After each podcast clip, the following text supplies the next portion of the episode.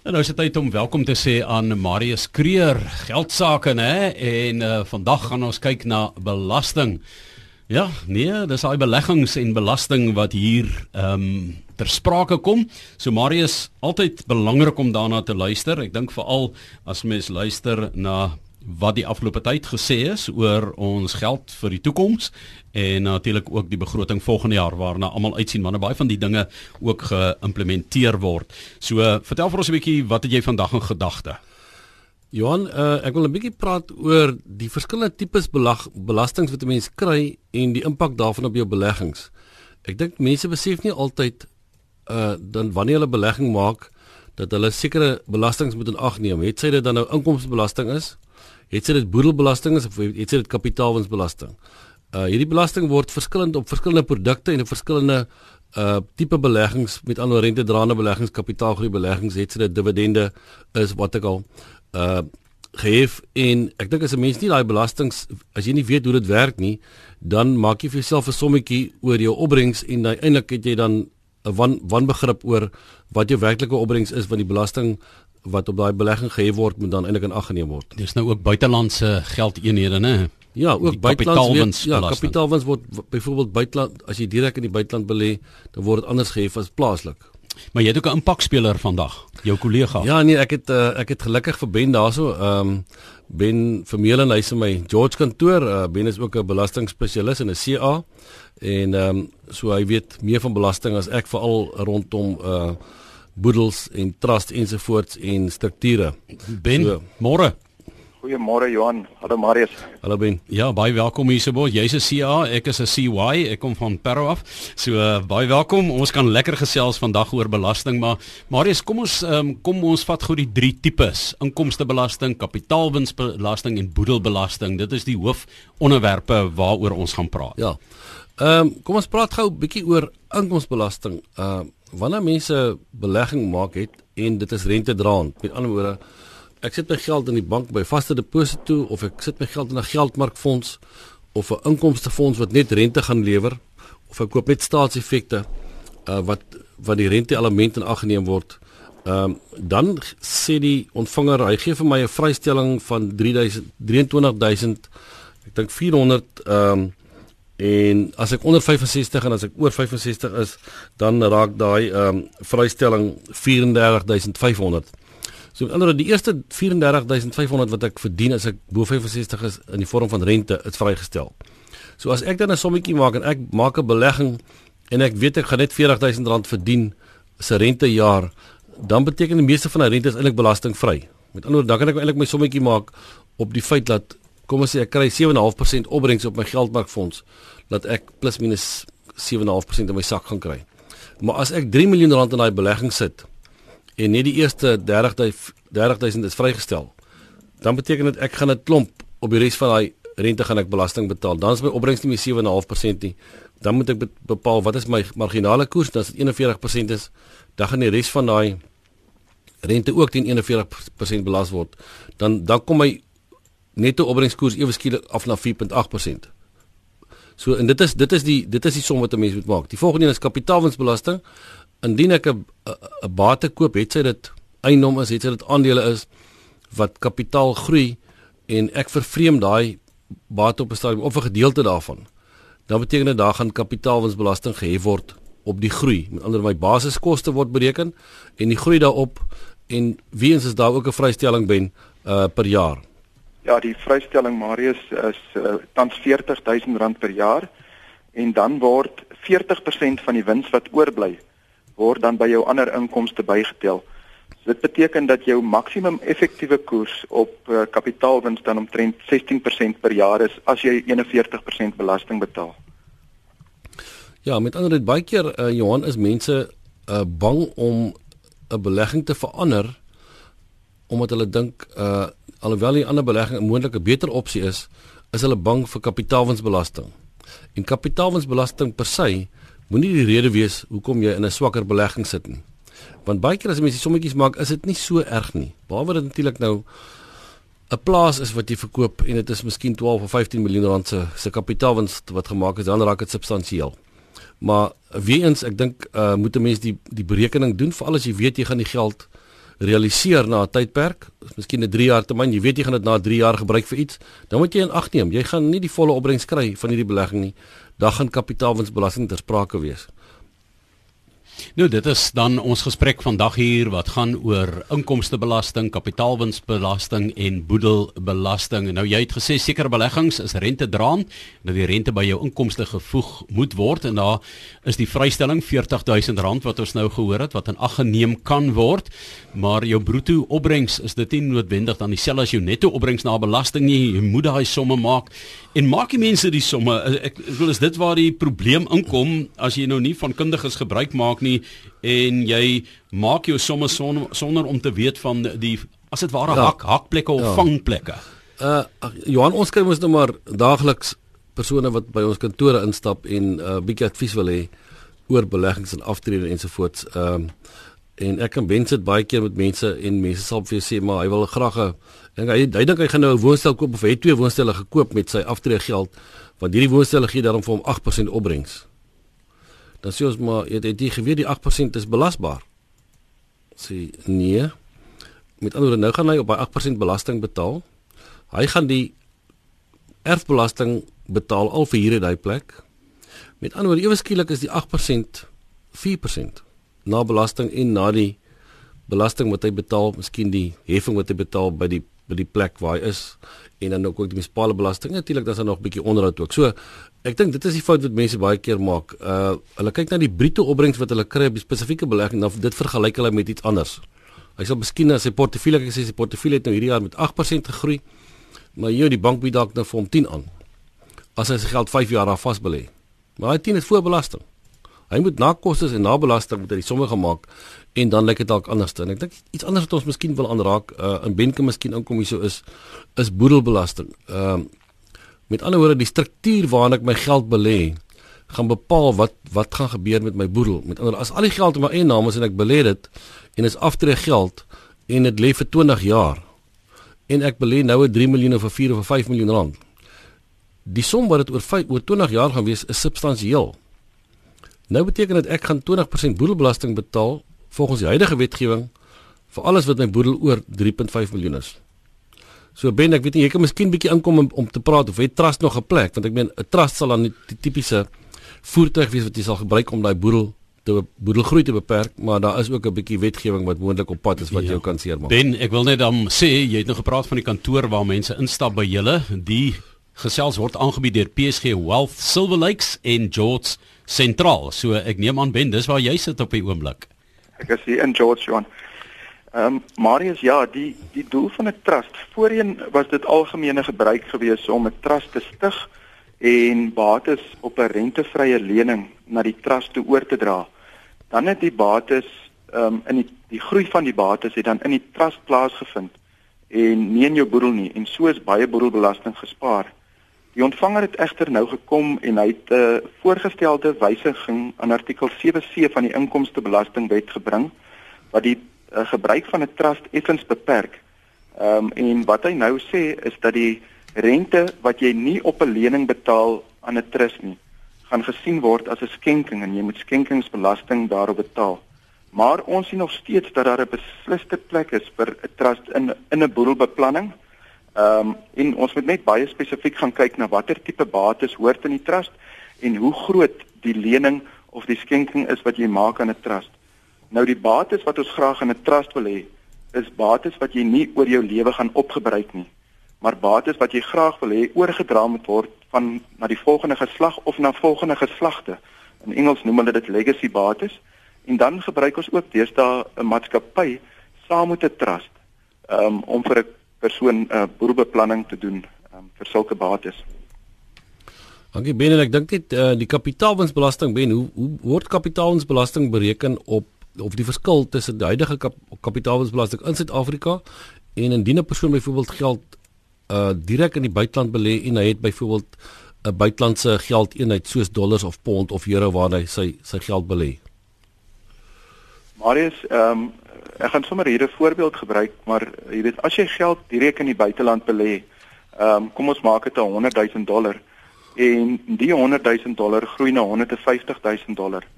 Dan word net 50 000 dollar Ehm um, en en dollars word dan as kapitaalwins belas as jy die ding een as jy die belegging eendag realiseer.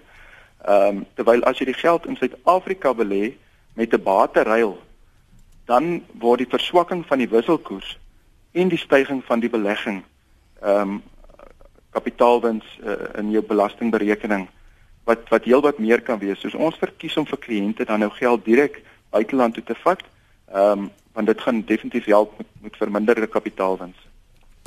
Uh ben ek weet ek weet dividende word ook anders te belas byvoorbeeld indien jy 'n buitelandse kom ons sê jy besit 'n maatskappy soos Apple en dis 'n dis 'n FSA maatskappy en jy is 'n burger wat nou van Suid-Afrika nie 'n Amerikaner nie. Ehm um, en jy hoef gelukkig dan nie te stem vandag nie. Ehm um, kan jy dan nou jou dividende word anders belas indien jy nie 'n verklaring vir daai regering gee om te sê maar jy's 'n Suid-Afrikaner nie dan word jy dan op 'n hoër koers belas. Uh hoe werk dit? Maar eers ja, Suid-Afrikaners uh, of of daar is 'n terughoubelasting uh, op buitelandse dividende en dit verskil tussen maatskappye en trusts en individue. Ehm um, op individue word 37% van die dividend word daar 'n terughoubelasting um, opgehef um, op 26 41stes en op maatskappye word 13 28stes, ekskuus ek moet word 'n uh, terughoubelasting opgehef op op buitelandse uh, dividende. Soos daar is op buitelandse dividende ook belasting ter sprake terwyl dit in Suid-Afrika is dit die belasting klaar betaal, dividendbelasting in Suid-Afrika. Dis 15% nee ben. 15% ja Marius. So mense moet gaan kyk daarna dat by mekaar voeg want ehm um, jy weet jy dink dalk jy het nou 'n baie gunstige wisselkoers en jy maak 'n mooi geldjie daar en dan moet jy die belasting ekstra bybetaal, né? Ja, natuurlik. Weet so, jy gaan elke jaar as jy jou opgawe indien, gaan jy vir die ontvangers hoeveel buitelandse rente het ek gekry of buitelandse dividende het ek gekry. Ehm uh, maar dit is belangrik dat laat laat 'n mens of laat jou adviseer op hoogte is van uh die verskillende belagte belastings en koerse wat jy betaal want ek meen op eind van dag maak mense belegging en jy wil tog op op die eind wil jy bepaal wat gaan my netto opbrengs wees op hierdie belegging? En jy kan dit nie bepaal as jy nie weet wat se belasting gaan jy bepaal betaal nie. Uh jy wil ook weet wat gaan hierdie belegging aan my boedel doen vorentoe as ek dit in hierdie spesifieke entiteit belê? Uh en nou het mense natuurlik ook ehm um, vrystelling om per jaar uh 'n miljoen rand uit te neem na die buiteland toe. Maar jy kan ook uh dit is sonder enige toestemming van die van die reservebank, maar jy kan ook per jaar 10 10 miljoen uitneem as jy dan toestemming kry in jou belastingsaake is in orde. Uh jy kan ook meer uitneem as jy dan 'n spesiale reëling wil maak. Kom ons sê jy immigreer en jy het jou grond en alles verkoop jy wil meer, dan kan jy aansoek doen om meer uit te neem. Dis half 'n eenmalige ehm um, dan neem ek aan transaksie, né? Ja, maar ek meen 10 miljoen per jaar kan nou dan beteken dat jy kan redelik veel van jou bates skuif vir 'n paar jaar. Maar dan as 'n mens nou kyk na hier en jy wil kapitaal wins aan die een kant en rente, dit moet gebalanseer word en uitgewerk en afgetrek en opgetel word. En dit uh, dit klink nou 'n eenvoudige sommetjie, maar uiteindelik is die uitkoms daarvan ehm um, jou welvaart. Ja, Ben, uh, jy's nou 'n bietjie uh, nogal 'n spesialis op op eiendom. Ehm um, en ek weet jy hou baie van eiendom.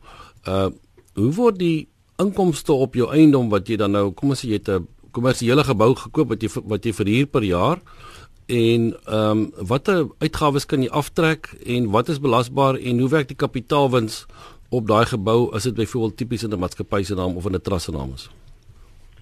Arius ja, die die uitgawes wat jy kan aftrek is uit alle uitgawes wat met die inkomste verband hou wat jy genereer van die ag van die gebou af. Soos as jy die gebou koop en na skuld kan jy rente aftrek. Jou munisipale belastings kan jy aftrek, ehm um, en en enige uitgawes moet soos herstelwerk wat op gebou aangegaan word, kan jy ook aftrek vir belastingdoeleindes. En dan betaal die maatskappy as dit in 'n maatskappy is op die netto bedrag wat oorbly nadat die uitgawes afgetrek is, betaal die maatskappy belasting teen 28%. Nou kapitaalwinsbelasting, kom ons veronderstel die gebou het gegroei van 'n miljoen na 1.4 miljoen, ehm um, dan beteken dit die kapitaalwins binne 'n maatskappy is 400 000 rand. Nou vir die berekening van inkomstebelasting word 80% van die 400 000 teen 28% belas wat 'n effektiewe belastingkoers is van 22.4%. Maar dit is nog nie al nie om die geld weer uit die maatskappy uit te kry. Moet die maatskappy dan 'n dividend verklaar na die aandeelhouer toe. en daardie dividend moet nog word ook belas teen 15%. So jy totale belasting wat jy eintlik dan nou betaal is dan nou meer as 28%.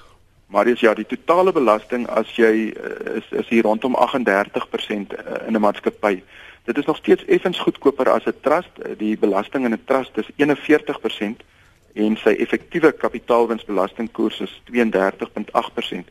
En dit is hoekom ons hou van 'n kombinasie van 'n trust en 'n maatskappy deesdae.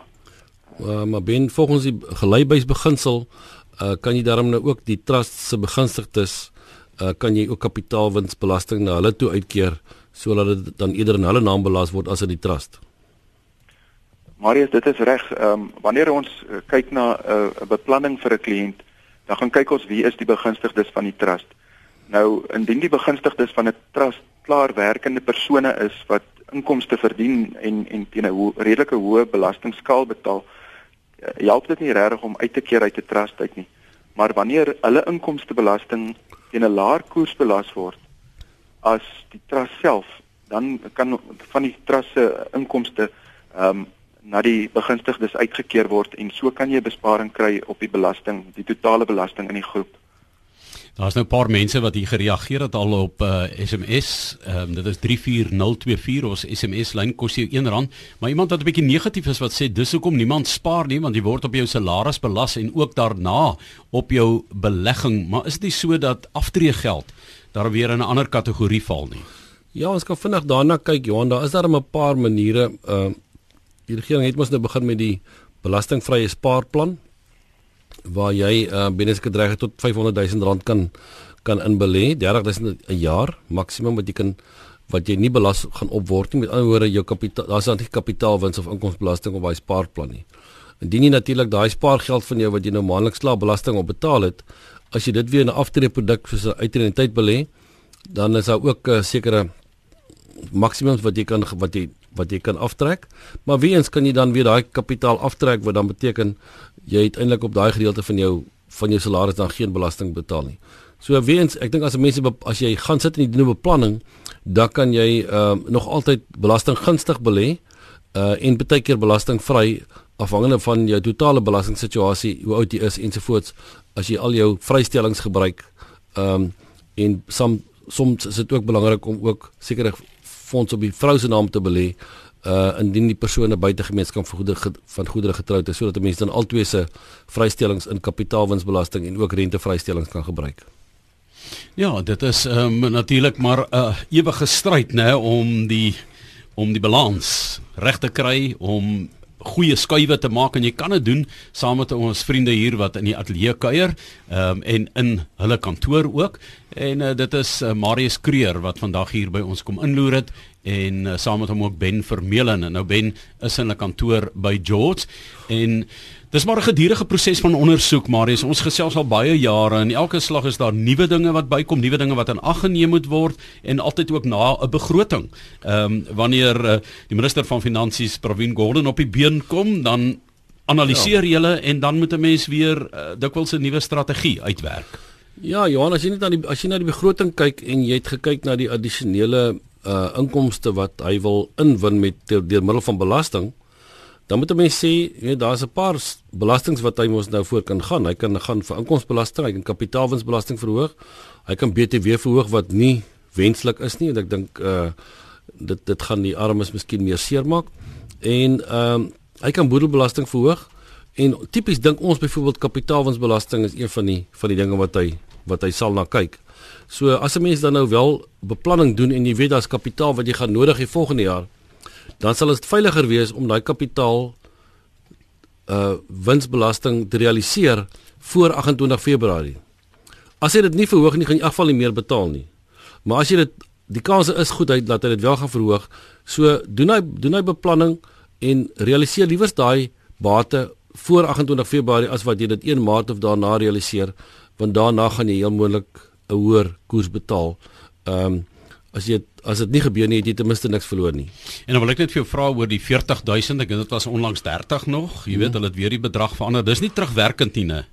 Nee nee nee nee, dit is nou dis wat jy uh, belê na jaar.